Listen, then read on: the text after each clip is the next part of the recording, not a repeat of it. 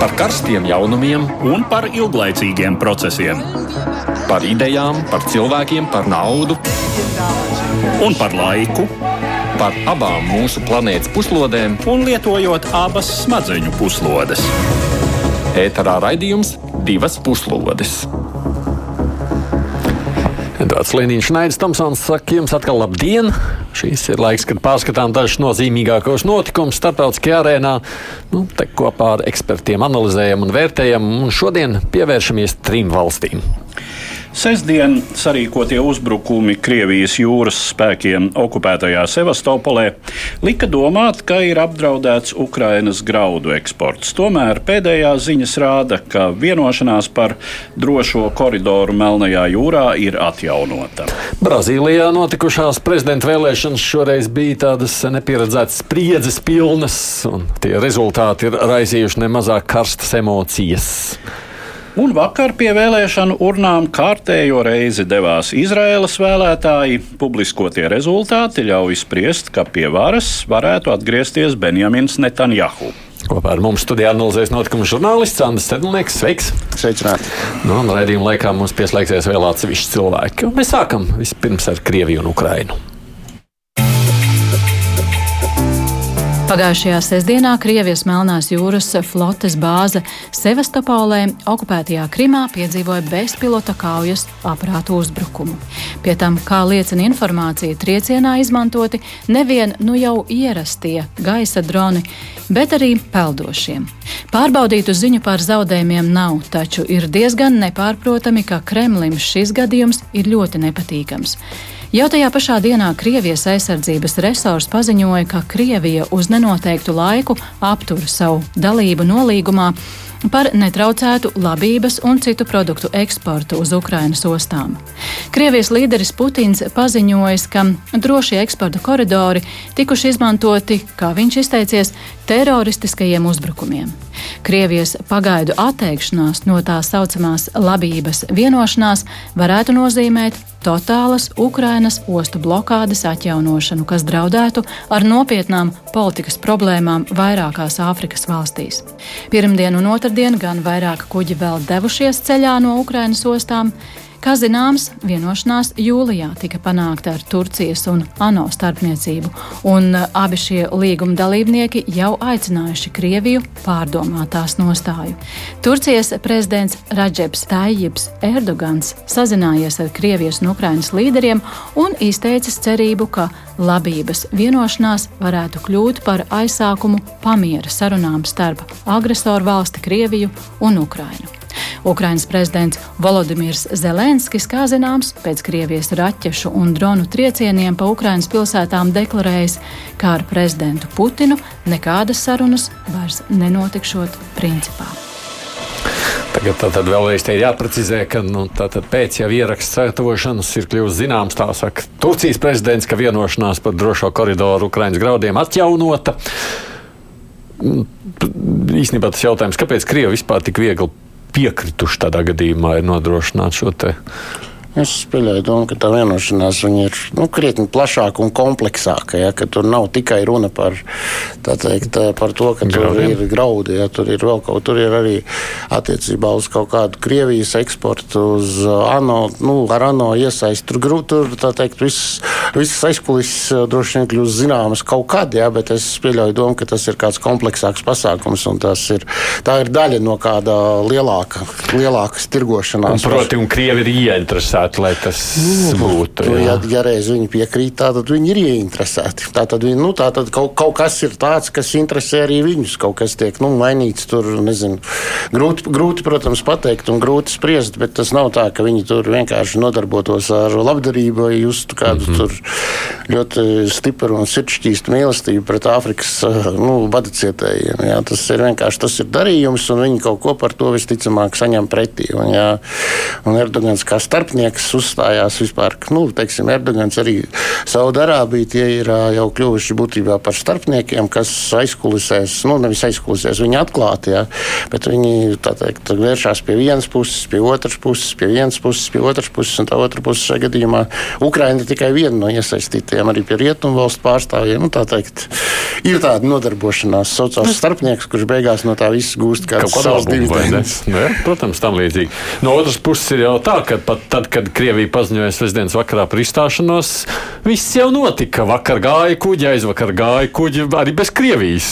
Un man ir aizdomas, ka tā ir uh, lielākā daļa no atbildes, es teiktu tā, jo uh, Krievija, protams, izmantoja šo iespēju uh, šantažēt, nu arī Neaizmirsīsim, ka Krievijas vadība pastāvīgi jau strādā arī tā sacīt iekšējam patēriņam un neko nedarīt pēc Sevastopolas uh, operācijas um, nevarēja. Mm -hmm. Kaut kā bija jārēģē. Tas bija, jā, tas bija pietiekami skaļi un pietiekami, uh, nu, teiksim, uh, reputācijai atkal jau graujoši. Uh, un, Tas, kas varbūt pārsteidz, ka tiešām šī piekāpšanās bija tik ātra, es domāju, ka mm, runa ir par to, ka uh, bija doma pamēģināt. Nu, varbūt tomēr tā sacīt, uh, kā krieviski saka, uh, ielieksies. Pragnuts vai ne? Ka varbūt tomēr izdosies kaut ko ar šādu uh, ar šādu nostāju panākt. Es domāju, ka arī Erdogans, Turcijas prezidents, nav atmetis cerību atkal apsēdināt Zelenski un Putinu pie sarunu galda. Tas droši vien būs atkarīgs, protams, no Ukraiņas sabiedrības nostājas. Tas nav atkarīgs no Zelenska personīgas gribēšanas vai izpratnes. Un šobrīd mēs redzam, ka Ukraiņas sabiedrības dominējošais noskaņojums joprojām ir. Uh, atbilstošs tam, kā, kā pozicionējas šobrīd Ukraiņas valdība, kā pozicionējas prezidents Zelenskis. Tātad nē šādām sarunām ar Krieviju pēc viss tā, ko tā ir darījusi. Bet Krievijam tomēr ir svarīgi nodrošināt nu, tās attiecības ar kaut kādām valstīm, nu, arī ar Turciju, nu, pieņemsim. Nē, nu, ir jā, svarīgi, un tā teikt, nu, es domāju, arī tā starpniecība ar rietumu valstīm joprojām ir svarīga, lai gan tiek nu, apgalvots, ka tur pas, par pasauli bez rietumiem un, tur, un, un tā teikt, teikt, tur bez Amerikas un uh, pasauli bez Amerikas, bet nu, to nevar pat, ja, pat veiksmīgas apstākļu sakritības rezultātā to nevar izdarīt vienā dienā. Un otra lieta ir, kad tās valstis, tur ir Turcijas, Arābijas, Ķīnas, Indijas, Irānas un tā tālāk, tās ir tie partneri šajā pasaulē. Un tās attiecības, jā, viņiem ir svarīgas. Ja to kaut kāds līgums jāuztur visu laiku. Nu jā, arī es domāju apvienoto nāciju Eh, nostāja, kas arī šajā gadījumā bija eh, nu, pietiekami, eh, pietiekami teiksim, stingra. Un, jebkurā gadījumā, tā nebija ielaišanās uz šantāžu. Jo faktiski nu, tas, ko vēl šorīt no rīta, kad šī ziņa vēl nebija pienākusi, teica Ukrainas, Ukrainas mediji par šo konkrēti, nu, tad uh, Viss notiks tāpat eh, tiešām bez Krievijas.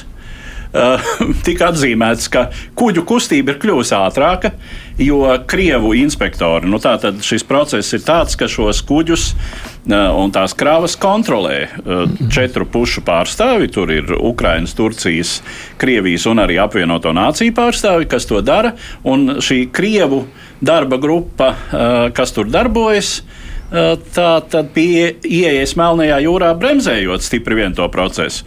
Tagad, kad Krievi tur nav, kad Krievi esot kuģi, esot kustējušies krietni ātrāk, nu, grūti pārbaudīt, neesmu skatījies to statistiku, bet es domāju, ka mm, tas, ko Erdogans ir Putinam pateicis, ka Ukrainas kara flote tiešām ir gatava nodrošināt šo kuģu kustību, neatkarīgi no tā, ko tur vēlētos darīt Krievija. Un Krievija, acīm redzot, neuzdrošinātos tā vienkārši kremdēt kādu no tiem kuģiem nost. Nu, tas ir grūts jautājums. Es, tiešām, es, es nezinu, kas Vai viņiem ne? ir galvā. Jā, bet es domāju, ka nu, principā, gremdēt nost kuģus, kas ved graudus, nu, tur jā, to tā vienkārši nevar. Tie, kam tie nav Ukrainas kuģi, tur lielum lielais vairums ir citu valstu, citu valstu transporta kuģi. Nē, nu jā. Kas arī, protams, svarīgi, bet tur tās Ukraiņas garantijas, ko tur Krievija prasīja, un es saprotu, Ukraiņa esot jau iedevuši, ka viņi neizmanto šo koridoru mm, militāriem uzbrukumiem. Tam ir nozīme. Tas, teorētiski un oficiāli, jā, nu, praktiski nu, karš paliek karš. Nu, tā ir nu pārbaudi. Ej, nu pārbaudi un ej, nu uzzini, nu jā, bet nu, tas fakts, cik es sapratu no, tur, no tā visa, ka tie zemūdens droni, viņi tiešām tur bija peldējuši pa to koridoru, kur viņi tā teikt bija, nu, mm. pēc tam pirms nonākšanas uz tā Sevastopolē. Tā kā, nu, tur tas jautājums ir diskutabls, nu jā, bet, nu, bet tur, piet, nu, tas ir Kā būs, tā būs. Es pieļauju, ka no tīri militārā viedokļa šis bija vairāk uh, iespēju demonstrējums. Jo, nu, cik var spriest, tad uh, pa burbuli laikam neviens Krievijas kuģis tur nav, nav aizgājis. Tas Sevastopolē, jā. Uh, nav pat īpaši zināms par tiem bojājumiem. Nē, nu, tā sacīt, būkšķi bija, būkšķi bija bet, bet nu, iespējams, ka tie arī bija no Eh, no gaisa droniem. Eh, tika uzbrukts arī atsevišķiem vadības centriem, turpat Melnās jūras flotes vadības centriem. Un, eh, cik vispār ir šī zemūdens dronu tīra militārā efektivitāte, nav skaidrs, bet tas, ka ar tiem var aizkļūt līdz Sevastopolei, tomēr pamatīgi apsargātai mm, Krievijas kara, Krievijas kara flotes bāzei, un uh, vēl filmiņu uzņemt jā, un, un ielikt, ielikt sociālos tīklos. Ja? Jā. Nu, tas, ir, tas ir diezgan atkal tāds uh, Krievijas, Krievijas paraustīšana aiz vārīgas vietas. Bet mēs par tiem zemūdens vadāmajiem aprātiem neko daudz nezinām. Vai ne? Kas tos ne, piegādā? Nu, nu, vispār jau ir viena tāda valsts uz salas atrodas, Lielbritānijas saucās. Un viens šitā, šāds te drons, viņš jau pirms kaut kāda mēneša vairāk, un šķiet pēc atmiņas, viņš kaut kādā veidā, laikam, ar, nu, kas ir, nu, kas ir sakaru slāpēšanas, nu, sakaru pārtrūkšanas dēļ, bija iz, izpeldējis krastā kaut kur Krimas pusē. Jā, jā, atceros faktu. Jā. Bija tāds gadījums, jā, tā kā, nu, tā teikt, bet. Tātad Briti, tas, ko Krievs saka, ir Briti vainīgi. Nē, nu, droni, tā kā es saprotu, ir Britu. Britu droni, jā. Jā, nu, tā, tā, jā, nu, gan... ja nav taisīti Kijavā, pavisam noteikti. Un ķīnieši arī ne, jā. Un ķīnieši arī viņus nav taisījuši. Jā. Bet uh, par to es saprotu, viņi tur nes diezgan daudz tās sprākstvielas, bet tā, nu, tā efektivitāte tur tiešām viņai ir. Nu, viņi nav kaut kādi tur, viņi briesmīgi ātri nepārvietojās un viņus var fiksēt. Un, un cik ir noprotams, tad uh, tas uh, tracis, kas tur tika ar to visu sacelts, ir daudz, daudz lielāks nekā tie zaudējumi, kad tur kādi postījumi arī ir, tad viņi ir stipri simboliski. Jā. Bet, nu, tracis, protams, ir pamatīgs. Jā, es saprotu, ka dažiem no tiem droniem bija izdevies iekļūt pat kaut kā cauri visiem tiem, tur, kas ir tie speciālie tīkli vai kas. Kaut kādus pēdējos, pēdējie bija likvidēti tikai vēl iekšā ostas reidā, vai kā tas saucās. Es neesmu nu, jūrnieks. Ja. Sevastopolē ir tāds diezgan garš, dziļi iekšā cietzemējošs līcis, uh -huh. uh, kur arī tā osta atrodas, un tā pilsēta atrodas turpat apkārt. Uh, nu, kā... Cik Ukrāņus laik pamēģina, ko nu viņi var, cik tālu viņi var pamēģināt. Kerčs jā, tagad šo. Apmēram, jā, nu, kas to zina, kas, kas, tik, kas vispār notika ar Kerčs tiltu, tas ir tas, es jau teiktu, pamazām kļūst amizanti, vai ne? Ka, eh, ka nu, sprākst un tiešām eh, dažbrīd pat pietiekami efektīvi, bet eh, visu laiku nav skaidrs, kurš, kādā veidā uh, versijas, ja, un tā tālāk. Nu, tā versijas tālāk. vienmēr visos notikumos ir. Mm, jā. Mēs jau pat nezinām, kas, ja, ja tu tā saki, mēs nezinām, kas 11. No, tajā septembrī uzsprādzināja Vītonis. Mēs neko nezinām. Mēs tikai neko nezinām. tā, tā tas arī ir. Bet, ja kurā gadījumā Krievijai tas ir sāpīgi, un paši Krievi tā kā domāja, ka viņi ir pasargātāki. Es domāju, ka jā, tas ir viens un otrs. Saprotiet, tas nav tā kā teiksim, nu, tas militārais efekts no šīm akcijām. Nu, viņš, būsim godīgi, viņš nekāds dižais nav. Nu, tā izskatās, jā, neko nezinām. Nu, viņš arī, nu, teiksim, no šādām atsevišķām akcijām, viņš arī cik dišs nevar būt, bet tur jau galvenais ir tas psiholoģiskais efekts, ja, kad, nu, tā teikt, un cits jautājums, cik uh, tas iedarbojās uz Krieviju un kā tas viņus noskaņoja, jo mums nedrīkstam aizmirst, ka Krievija, piemēram, tas bija gadu tūkstošu mijā, jāsaucās visi islāmistu teikt, ļaudis. Kam, kam, kam teroristi, kam brīvības cīnītāji, kas arī dušīgi spridzināja un tā tālāk. Ja, un tas viss radīja tikai stipri citus noskaņojumus, cerētās panikas vietā.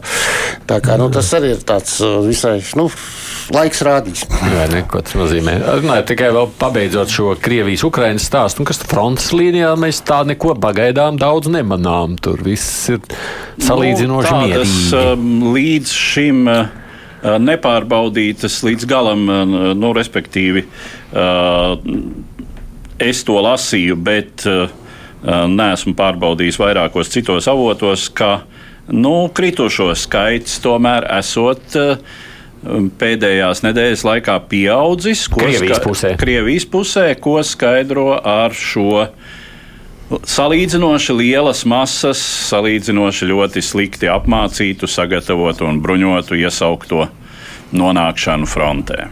Tā pamazām, es saprotu, te Helsonai tuvojas. Ne? Ne? Nu, principā, tur ir nu, teiksim, galvenā ja to var teikt, problēma.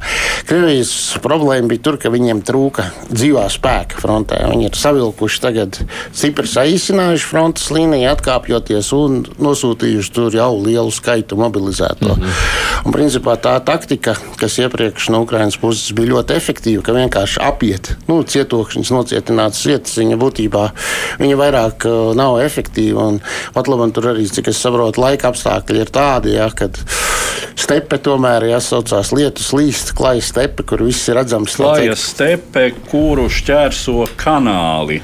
Uh, irigācijas kanāli un, un dažādas ūdens tilpnes. Tur tā Dņepras upes lejce tiešām uzbrukumam ir ļoti nepatīkami. Bet viņi jau joprojām publiski saka, ka viņi grasās līdz novembra beigām pie Helsonas tikt.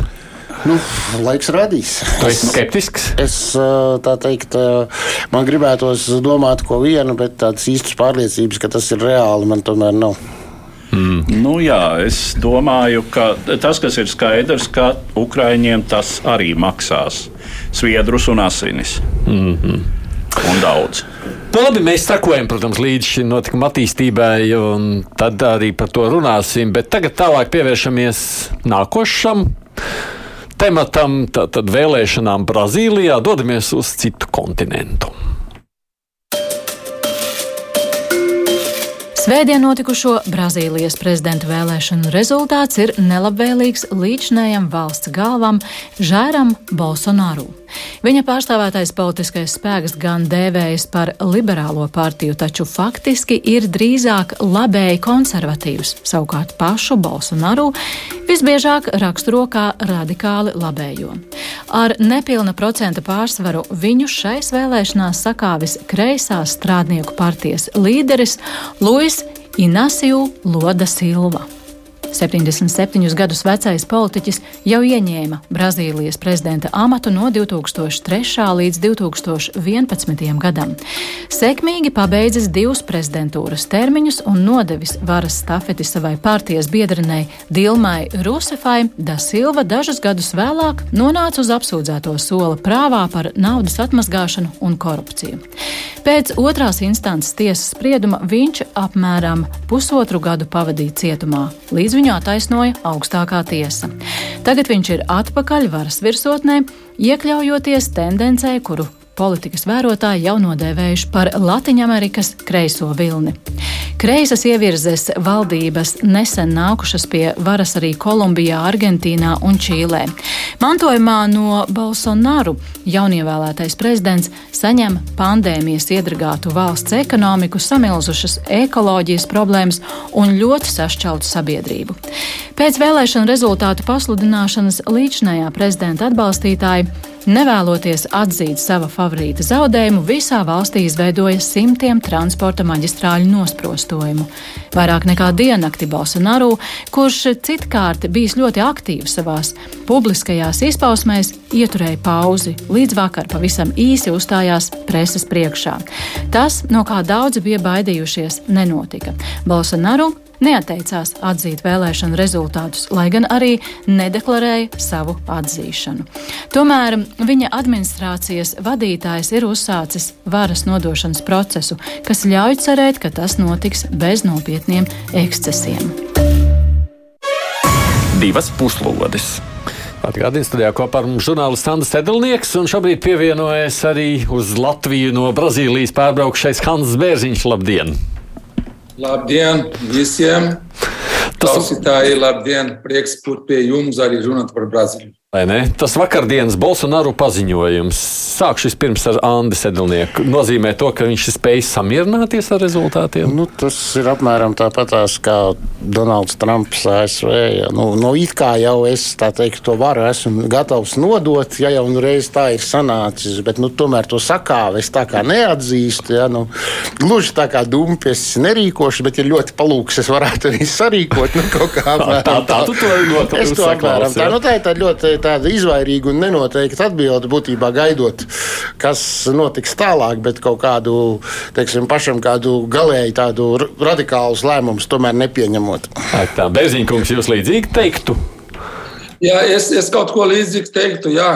Es, protams, kā no, es, es nebalsoju, jo man, man balsošanas vieta būtu Brazīlijas Svētdrijā viesniecība, tad ir grūti braukt tikai lai, lai vēlētu, lai balsot.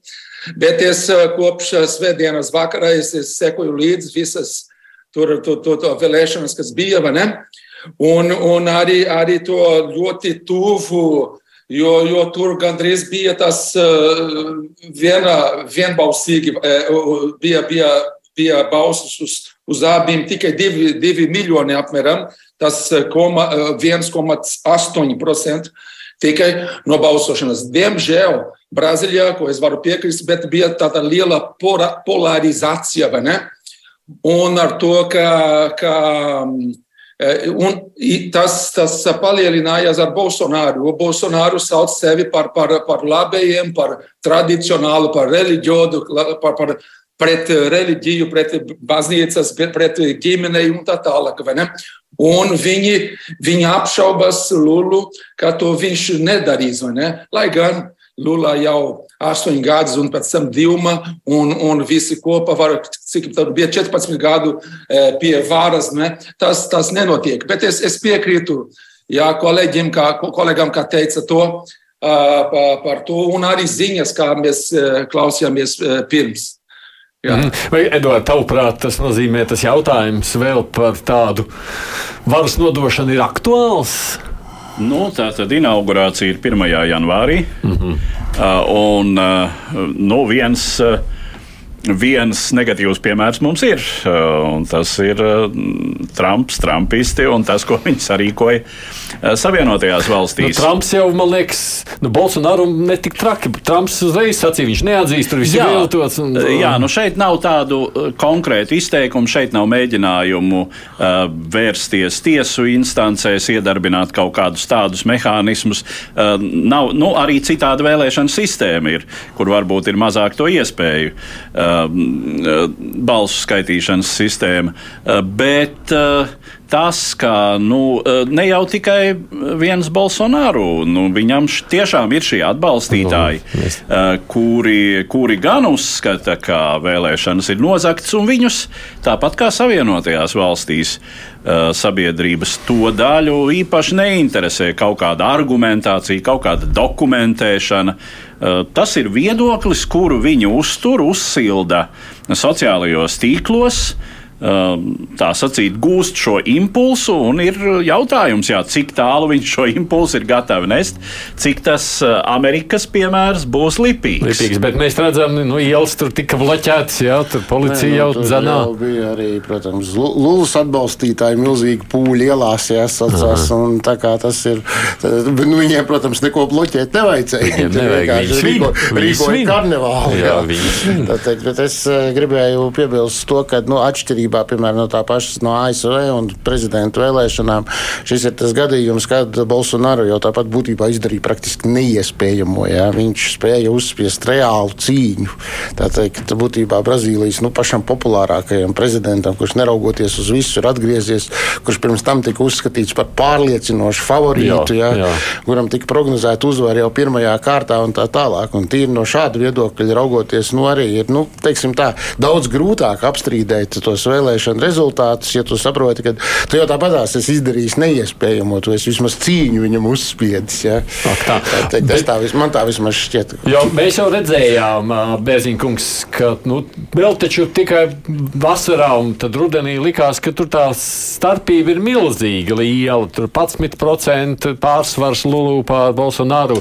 Un tad tas ruka, ruka, ruka, ruka beig, beigās tik ļoti cieši, kā jūs sakāt, tur gandrīz, uh, gandrīz vairs nevarēja saprast, kurš beigās uzvarēs. Vēl liekas masīs brīdis, un Bolsonaru būtu vinnējis. Viņam pietrūka mazliet jā, laika. Jā. Kāpēc tā? Kāpēc tik cieši? Ka, ko tad, ko, ko tad nu, Bolsonaru tādu izdarīja, ka viņam tā izdevās?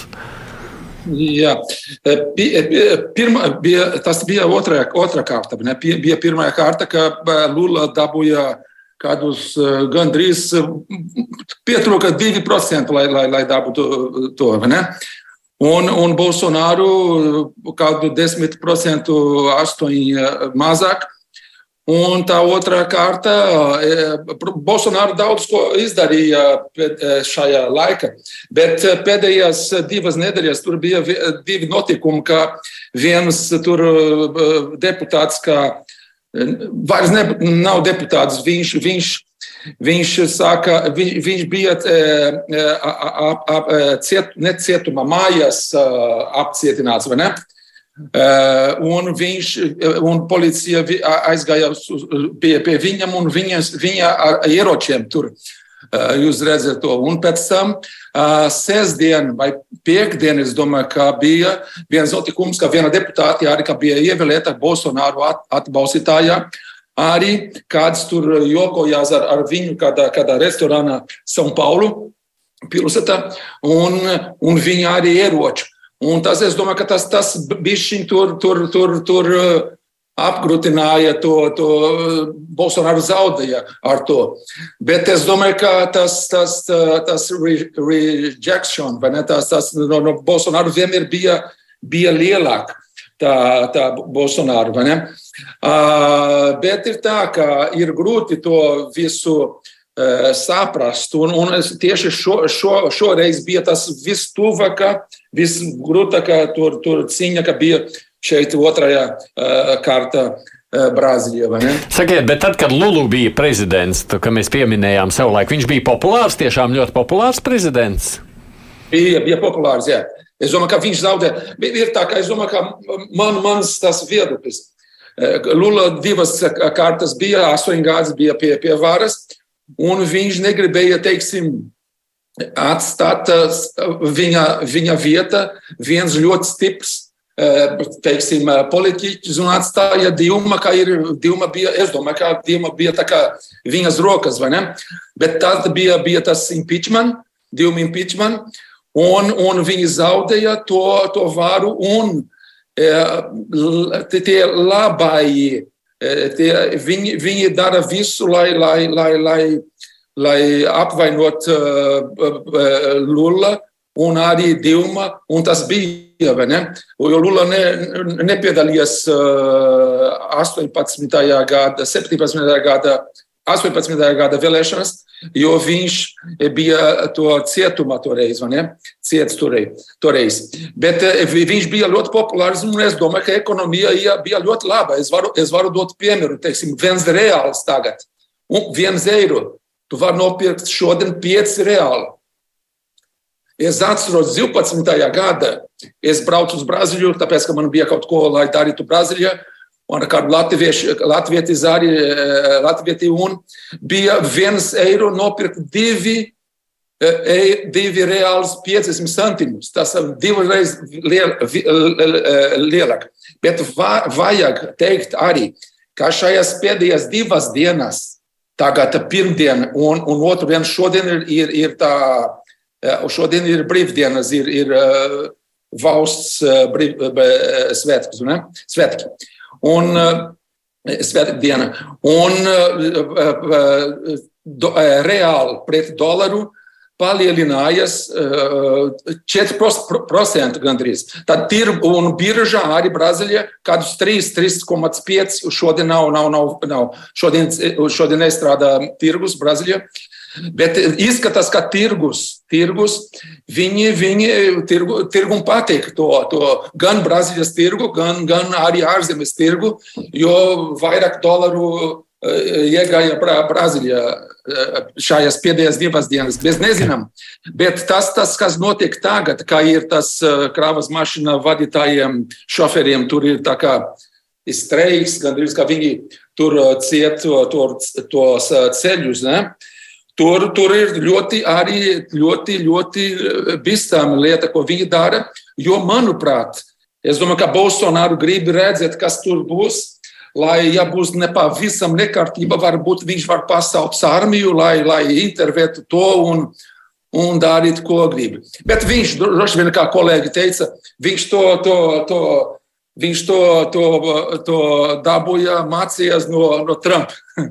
Nu, jā, viņš vēro situāciju. Kas nozīmē, vienīgais, redz, skatoties savukārt šo prezidentu, mums jau Latvijā tur būtu kāds sēdējis cietumā par korupciju, jau nebūtu tik vienkārši, vai ne? Nu, vai būtu? par Lembergu atcerīs. ko gan citu? Kuru gan citu? Kuru gan citu? Paši zināt, ko.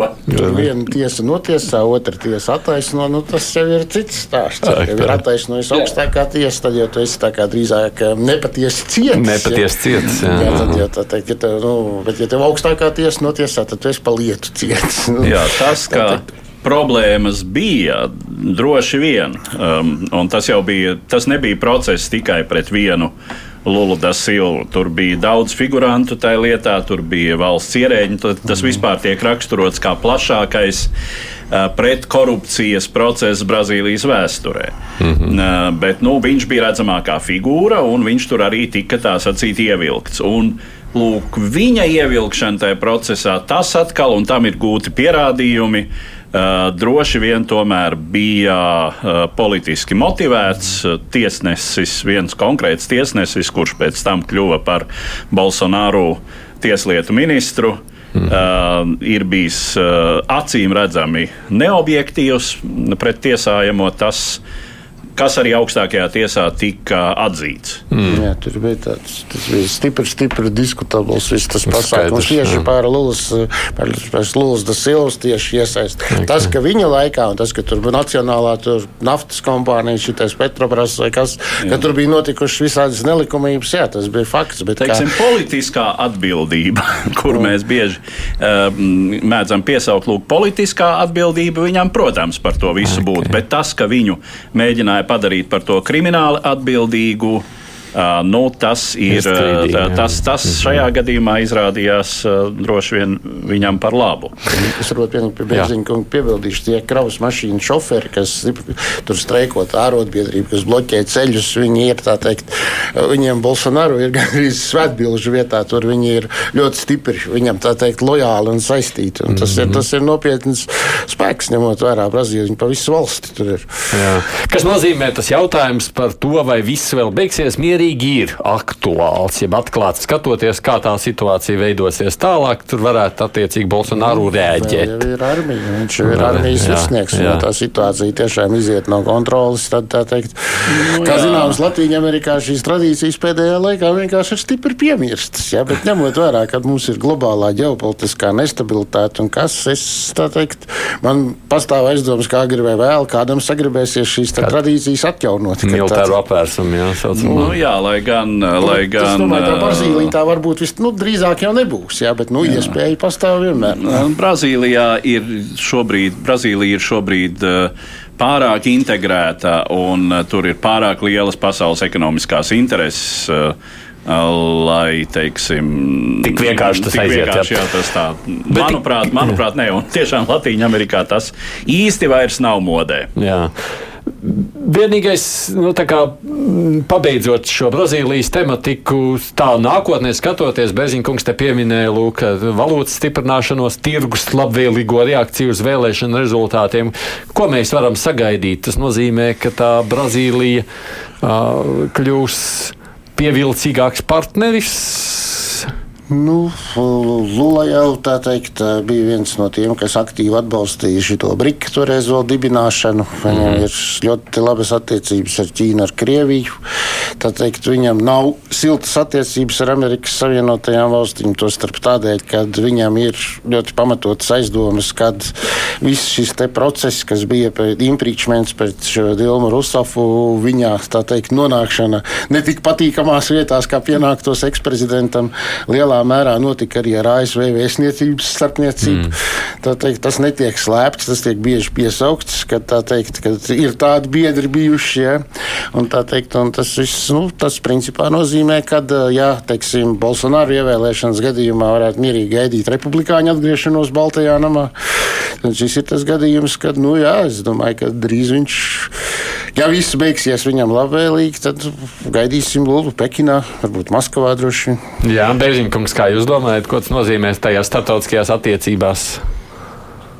Uh, jā, uh, mans viedoklis ir tā, ka Lula bija toreiz labas attiecības ar Krieviju. Ne? Droši vien nekā labāk nekā Bolsonaro. Bolsonaro viņš, viņš bija pie, pie Putina pirms, es domāju, kad nedēļas, kad sākas, sākas karu.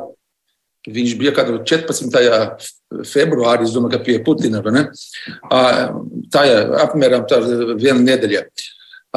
Bet Put, Bolsonaro bija labas attiecības ar Trumpu, ne ar, ar Baidenu. Baidenu nekad bija, bija, bija teiksim, pie, pie, satiekušies tikai vienreiz, kad bija šeit G, G, G, G Viens no nav svarīgi. Vienreiz tikās tikai. Jā. Globālā, globālā bija tikšanās, bija, viņi satikas, bet bija ļoti vēsa tikšanās. Un, un Baiden tūlīt, kad dabūja ziņu, ka tik, Lula tika ievēlēta, jau, jau piezvanīja Lula. Protams, ka Baiden bija vairāk interesēta par, par Lula nekā par, par, par, par, par, par, par, par, par demokrātiem, nekā par, par, par rep, republikāniem. Un es domāju, ka, ka Lula ir labas, laba iespēja veidot labu attiecību tagad ar, ar, Ameriku. Un, un, un ar to es domāju, manu, manuprāt, ar, ar Eiropu, teiksim, ar Franciju arī būs, domāju, ka labākas attiecības. Un, un es domāju, ka uzlabos šo, šo starptautisku attiecību būs, būs labāk. Jo, jo, jo, jo bija, tā, bija šaubas, ja Bolsonaro tieši grib tur sargāt Amazonu un, un ekoloģiju un, un tā tālāk. Un radītāji ne, ne, ne, ne, neradīja kā, kā tas bija, ka viņš darīja labus darbus, vai ne? Nu, jā, jā.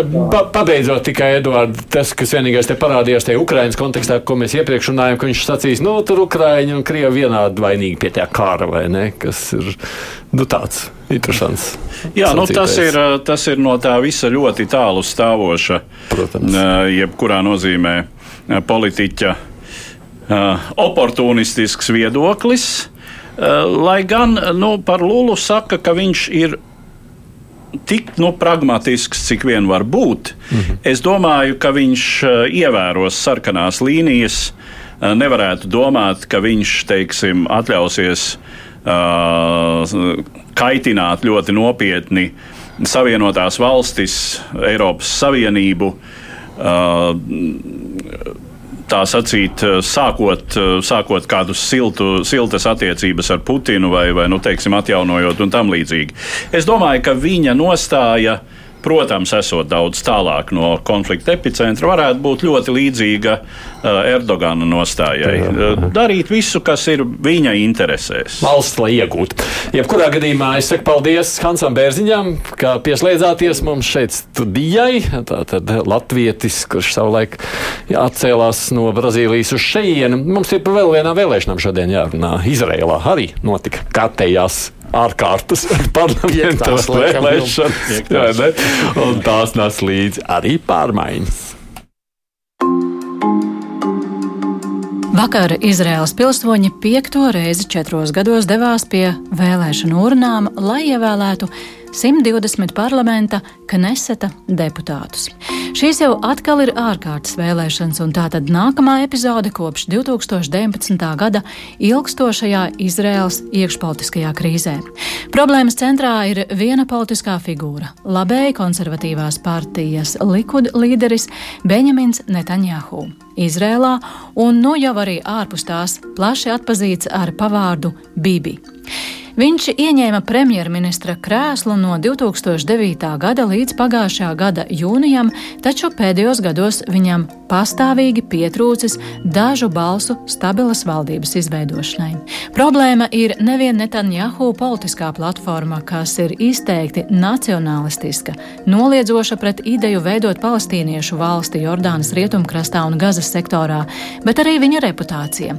Joprojām turpinās tiesas process, kurā Netanjahu ir apsūdzēts kukuļņemšanā, dokumentu viltošanā un uzticības ļaunprātīgā izmantošanā. Tomēr nepieciešamo vairākumu Knesetā ilgstoši neizdevās savākt arī Netanjahu konkurentiem - kreisajām un liberālajām partijām. Galu galā šādu kombināciju pēc trīs mēnešus ilga procesa izdevās sadiegt no astoņām koalīcijas partijām, starp kurām bija kā izteikti labēji, tā izteikti kreisi spēki un pat viena no arābu partijām. Tādējādi koalīcijā izdevās iegūt 60 deputātu balsis, ar ko pietika, jo Izraels valdības apstiprināšanai pietiek ar vienkāršu vairākumu un pretnobalsoja 59 deputāti, vienam atturoties. Turpinot kopš pāris gadiem iedibināto praksi, tika noteikta premjeru rotācija valdības termiņa vidū, kad premjerministru Naftali Benetu no labējās apvienības Jamina bija jānomaina viņa līdzpremjeram Jairam Lapidam no liberālās Ješ Atid. Tomēr politiskās pretrunas sāka iezīmēties jau pēc desmit mēnešiem, kad aprīlī par aiziešanu no koalīcijas paziņoja deputāte Idita Silmane no apvienības Jamina. Sekoja vēl pāris citu deputātu aiziešana. Valdība nonāca mazākumā un premjeri Benets un Lapits izziņoja balsojumu par Kneseta atlaišanu. Rezultāts bija vakardienas vēlēšanas, kuru rezultāti oficiāli nav pasludināti, bet aptaujas pie balsošanas iecirkņiem liecina, ka Netanjahu un viņa potenciālie sabiedrotie varētu būt ieguvuši vienas vai divu balsu pārsvaru, un tātad Bībī būs atpakaļ varas virsotnē. Te nu atkal ir jāprecizē, tātad, ka ir jau saskaitīti 97% tāda bija tas, ko es lasīju ziņā aģentūrā balss, un Netanjahu blokam ir vēl lielāks pārsvars, tad piecu balsu pārsvars. Kas Apmēram. nozīmē, ka tā tad droši Netanjahu premjers? Nu, diezgan droši. Diezgan, diezgan droši. droši. Lasot uh, komentārus sociālajos tīklos, kur uh, Es esmu lielākoties satīklots ar uh, liberāli noskaņotiem, krieviski runājošiem uh, Izraels pilsoņiem, uh, kuri visvairāk uh, balsoja par partiju Izraēlu BTNO, tātad, uh, kas ir par ko lielākoties balso no bijušās Padomju Savienības ieceļojušie. Mhm. Nu, viņiem šis nepatīk tur lielākoties. Tas tika raksturots ar vārdiem no krievu leksikas, nevis no ivrita. Ja? Valodas iespēju dēļ. viņš ir joprojām populārākais politiķis. Jā. Protams, viņš ir joprojām populārākais politiķis. Nu, viņš, teikt, viņš uh, lielāko daļu cilvēku neatstāja vienaldzīgi, teiksim tā. Jā. Tas viens un tas, nu, tur, teiksim, saskaitīts, es sapratu, tur ir uh, tāds būtisks jautājums. Ir tāda arābu anticionistu partija, stipri radikāla, kas tur balansē uz tās robežas. Jā, iekļūšanai. 3,25, cik viņam tur vajag? Nu, teiksim, ja viņi iekļūst, tad tas samērs vēl samainīsies, bet ja viņi neiekļūst, tad uh, Netanjahu potenciāli, ja tas vēlreiz jau īpaši jāuzsver potenciālie sabiedrotie, jo nekur nav zvanīts, ka arī būs sabiedrotie. Tās ir 65 vietas, cik es sapratu. Un būtiski ir tas, ka savu pārstāvniecību Knesetā ir ievērojami palielinājis tāds spēks, kas saucās reliģiskie cionisti. Tas ir nu, tā, teiksim, reliģiskie. Fundamentālisti. Nu, ne, ne fundamentālisti, nacionālisti. Nav, nav fundamentāli. Fundamentālisti no viņi nav, ja saucās, bet nu, tas ir tāds diezgan stiprs un, nu, teiksim, diezgan. Ticīgie. Ticīgie, jā, bet, nu, teikt, diezgan uh, aktīvas rīcības ticīgie. Formulēsim tā politi korekti. Izraēlas politikā tas tā ir tāda īpatnība, ka reliģiski orientētās partijas arī ir izteiktāk nacionālistiskas. Gan drīz vai par šo jau pieminēto. Uh, Izraēla BTNU uh, partiju saka, ka tas te ir vienīgais izņēmums, kad partija, kas visumā ir sekulāra, uh, arī politiski citādi centriska, ir izteikti teiksim, par valsts aizsardzības spēju stiprināšanu, par nepiekāpšanos uh, palestīniešu prasībām un tā mhm. tālāk. Ja? Bet pārējie tur, teiksim, jo vairāk pa kreisi, jo teiksim, tā m, gatavība dialogam uh, ir lielāka. Nu, jā, nu, reliģija ir liela nozīme, protams, tajā pusē. Saka, saka. Teikumu, jā, tas, es to pieminēju, tāpēc, ka tā, ja tā valdība tiks izveidota, tad šie reliģiskie cionisti tur spēlēs būtisku lomu. Tas tā teikt, jau tāpatās nebūtu ne kreiso Netanjahu, droši vien pabīdīs pat vēl vairāk par lab, uz nu labo pusi. Un ne jau, ne jau tikai tas šie... būtu slikti. Nu, kā, kā kuram? Kā kuram? mēs kuram neņemsim spriest. Uh, nu, jo uh, mēs jau nerunājam tikai par šo cionistu partiju. Tur ir vēl divas partijas, kas Jā. ir vēl radikālākas. Tā sauktā partija Šas un partija apvienotie Toras jūdaisti. Um, vēl divas partijas, nu, kas ir, ir fundamentālākie. Kas ir jā, vēl, jā, vēl izteiktāk ar, okay. ar vēl striktākiem nosacījumiem. Nu, mēs esam sazvanījuši šobrīd Izrēlā dzīvojošo Jakobu Luftu. Hallo! Jā, labdien! Ir. Labdien, jūs man dzirdat ļoti jauki. Ko jūs sakāt par vēlēšanu rezultātiem? E, nu, Drusku pārsteigts, tāpēc, ka no vienas puses bija gaidīts, ka Likud partija ieņems e, pirmo vietu, un viņi saņem tos 30 vietas parlamentā, tas ir 25% ja, no 120 deputātiem, kas ir Izraels knesetā. E, bet e, tas kopējais rezultāts ir, e, es nezinu, vai viņš bija tā, tik gaidīts. E, kā jau bija teikts, Netanjahu ir šodien gatava koalīcija. Viņš var dažu dienu laikā to koalīciju organizēt un iet pie prezidenta bet es neesmu pārliecināts, ka viņš grib šito koalīciju. E, koalīcija tā, tā kas e, nu, skaitās kā jau Nataņau kabatā, tas ir, kā bija teikt, e, e, reliģiskie cionisti no vienas puses un tāda e, vairāk ortodoksālie e, Agudatis Rel un Šās. Un es tiešām nezinu, vai Nataņau, kas ir, va, var teikt, ka viņš, e, viņš pārstāv E, e, liberālo labo partiju. E, es neesmu pārliecināts, ka tas, tas ir tā koalīcija, ko, kuru viņš gribēs knesitā. Var arī notikt, kā, ka viņš zvanīs kādām no centra partijas e, pārstāvjiem, nezinu, Lapidām, jeb kādām citām, un piedāvās e, kā, nu, tādu nacionālo koalīciju ja, e, e, kopā ar viņiem, un varbūt kādu no, no, no ortodoksāliem partijām. Viņš baidās, ka viņš negrib būt e, tas, e, kas atrodas savā koalīcijā, e, kreisajā pusē. Ja? Tā tas arī iznāk šobrīd. Mm -hmm. šobrīd. Bet, bet skatoties vēsturē, jums jau tur, nu, labi, šīs jau kurās vēlēšanas, tur jau taču ir bijuši visādi varianti, vai ne, līdz šim? Es, e, nu jā, var sakot, mēs jau tagad jau četrus gadus, četru gadu laikā gājām vēlēt piekto reizi, jā, 19. gada, tas bija, nu, piektie piekto reizi, kad Izrēlā notika vēlēšanas. Tāpēc, ka no 90. gada bija kā e, situācija, kad no abām pusēm bija 60, 61, un e, tā otrā, teiksim, pretnataņau koalīcija. Vispār Izrēlā ir tāds šodien pastāv divi nometni. Jā, nu viens puses ir Ragbībi, tikai tie, kas par Bibi, un viņam vienalga, ko viņš darīs, ko viņš runās, viņi balsos par viņu. Uh, Un ir no otras puses, kas ir gatavi par kā, jebkādu koalīciju tikai bez Bibi. Viņi gatavi iet ar viņu partiju, ar Likud partiju, bet Bibi tur jāiet nost, jāiet, e, jā, jā, e, jāatstāj savu e, amatu. Un, nu, tāpēc, kā, jā, kā jau bija pateikts, ir par, par to, ka e, e, Nataņau iesaks korupcijas lietu iznek, izmeklēšanu, un e, viņi nav gatavi ar nu, korupēto tādu korupcijas e, premjeru e, sadarboties. Bet ar viņu partiju, jā, viņi būs gatavi, bet Nataņau un savas puses nav gatavs at, e, atteikties no sava amata. Viņš grib, e, e, viņš tā, nu arī viņa partija tā ieska, e, iebilst, ka e, runa iet par kriminālu vajāšanu politisku iemeslu dēļ, jā, un tāpēc viņš arī nav gatavs e, atkāpties. Un e, bija visādi varianti. Protams, ka Nataņau bija kopā ar Lapidu koalīcijā, ar Benetu.